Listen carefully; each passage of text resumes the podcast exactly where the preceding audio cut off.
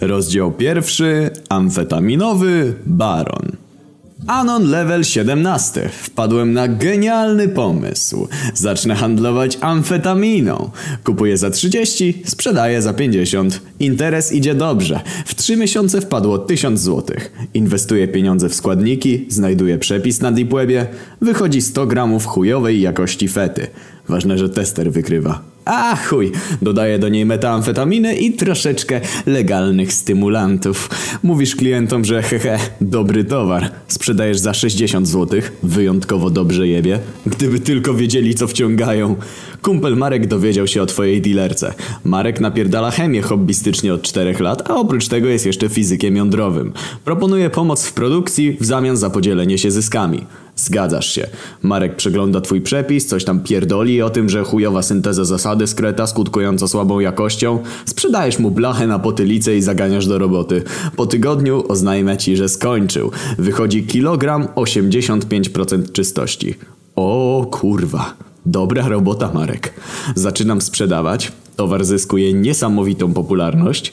Po jakimś czasie wynająłem pięciu wspólników, którzy sprzedawali w zamian za 30% zysków. Minęło 5 miesięcy, zarobiłem 20 tysięcy cebulionów. Inwestuję w działkę na zadupiu. Pierwsza siedziba nowo powstałego gangu amfetaminowego.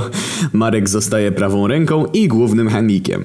Zaczynasz eksport na całą Polskę, z czasem nawet na Europę. Twój gang coraz bardziej się rozrasta. Warszawska mafia dowiaduje się o konkurencji. Żarty się skończyły. Inwestujesz w broń palną dla twoich żołnierzy. Cała patologia z miasta jest na twoje skinienie. Jedziesz z nimi do Warszawy wyeliminować mafię. Uzbrojony w jebaną poręczną wyrzutnię mini pocisków jądrowych. Dzięki Marek. Podjeżdżasz pod siedzibę mafii. Witają cię przygotowani do walki mafiozowie. Dochodzi do konfrontacji. Twoja nowo powstała armia wychodzi z samochodów. Ty zaś jak kapitan bomba krzyczysz Korzystając z zasłony ogniowej wyskakujesz z auta i wypierdalasz pocisk w duży budynek przed tobą. Delektujesz się ogromem zniszczeń i miniatomowym grzybem, dopóki fala uderzeniowa nie pozwala cię na ziemię, wybijając przy tym większość wrogów i część sojuszników. O dziwo, wstajesz praktycznie bez obrażeń. Spodziewałeś się co najmniej koktajlu z organów wewnętrznych. W tym czasie oddział chemicznie zmodyfikowanych komandosów chwyta szefa mafii. Dajesz mu propozycję. Albo współpracuje, albo niszczysz wszystko co ocalało wraz z jego rodziną. Zgadza się. Mija rok, a ty jesteś najważniejszą osobą w Europie. Ale to dopiero początek. Rozdział drugi. Globalna dyktatura. Przekupiłem wszystkie najważniejsze osoby w Stanach, Afryce i tak dalej. Nieprzykupnych usunąłem i zastąpiłem klonami. Na spokojnie przejmuję władzę nad całym globem. Zostały tylko jebanych Chiny. Spotkałem się potajemnie z przewodniczącym Chińskiej Republiki Ludowej. Coś tam pierdoli po chińsku jak postać z anime. Wyciągam pistolet, mówi słuchaj mnie kurwo. Albo nie, strzelam mu w łeb. O kurwa, co ja zrobiłem? Chuj, daje sygnał. Podlatuje do mnie helikopter tuż przed tym jak się zaczęło. Gigantyczny sabotaż szpiegów połączony z atakiem nuklearnym. Jedna godzina. Tyle wystarczyło, żeby powalić kraj, który niegdyś był potęgą. Teraz mam władzę nad całym globem. Puszczam na cały świat komunikat w wielu językach, że nastał czas terroru. Na początek delegalizuję religię i wypierdalam bronią niskoorbitową wszystkie miejsca kultu. Masowo tworzę obozy pracy, zwiększam nakłady finansowe na naukę pięciokrotnie, naukowcy stanowią kastę uprzywilejowaną. Na ulicach wszędzie pełno monitorów i megafonów z propagandą oraz milicji, która pilnuje porządku i mojego autorytetu. Świat wygląda jak wjebanej drugiej części Half-Life'a. Czarni znów są zniewoleni, jak za starych, dobrych czasów. Świat wkroczył w erę rozwoju. Wprowadziłem wiele świetnych pomysłów, takich jak farma noworodków do pobierania hormonu wzrostu. Hormon dostają ludzie w obozach pracy, żeby byli wydajniejsi. Największy obóz w pracy znajduje się w Afryce. No bo nie chciało mi się pierdolić z transportem czarnych. Obozem tym zarządza Marek. Nie zapominasz o swoich ludziach. W końcu twoi naukowcy wypracowują implanty, dzięki którym dotrwałeś do czasów odwrócenia procesów starzenia do wieku około 25 lat. Opłacało się inwestować w naukę. Rozdział trzeci. Międzygalaktyczny tyran.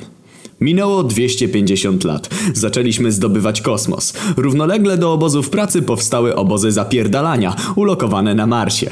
Ludzie w nich pracujący mają tylko 4 godziny na sen. Wystarcza dzięki implantom.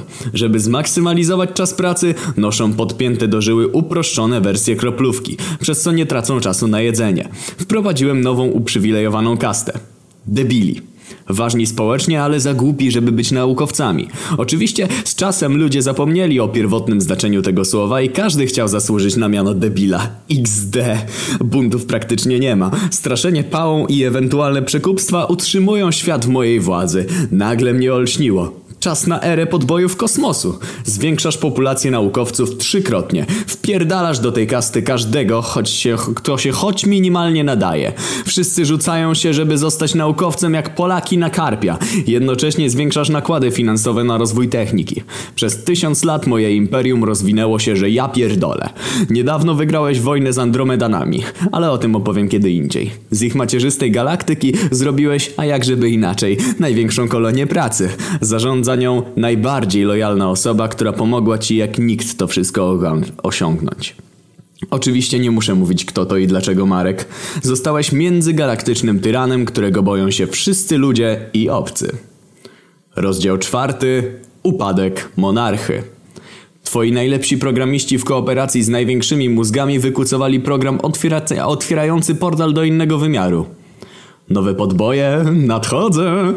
Wracam do mojego apartamentu na ziemi. Najbardziej wyjebany budynek na planecie. Wchodzę do piwnicy, siadam przed kąpem, w rogu stołu dostrzegam worek ze znajomym białym proszkiem. Kiedy to ostatnio było? Wysypuję na stół, robię jebitną kreskę, biorę rurkę z kawałka tektury owiniętej taśmą izolacyjną, wciągam proszek. Przez te wszystkie setki lat mój organizm się diametralnie zmienił. Padam na podłogę. Umieram. Niczego nie żałuję.